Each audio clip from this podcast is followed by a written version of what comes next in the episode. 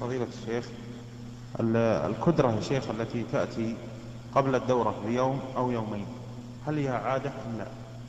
الكدرة التي تأتي قبل الحيض بيوم أو يومين أو يومين ليست بعادة. لأن لحديث ابن عطية كنا لا نعد الصفرة والكدرة شيئا. نعم.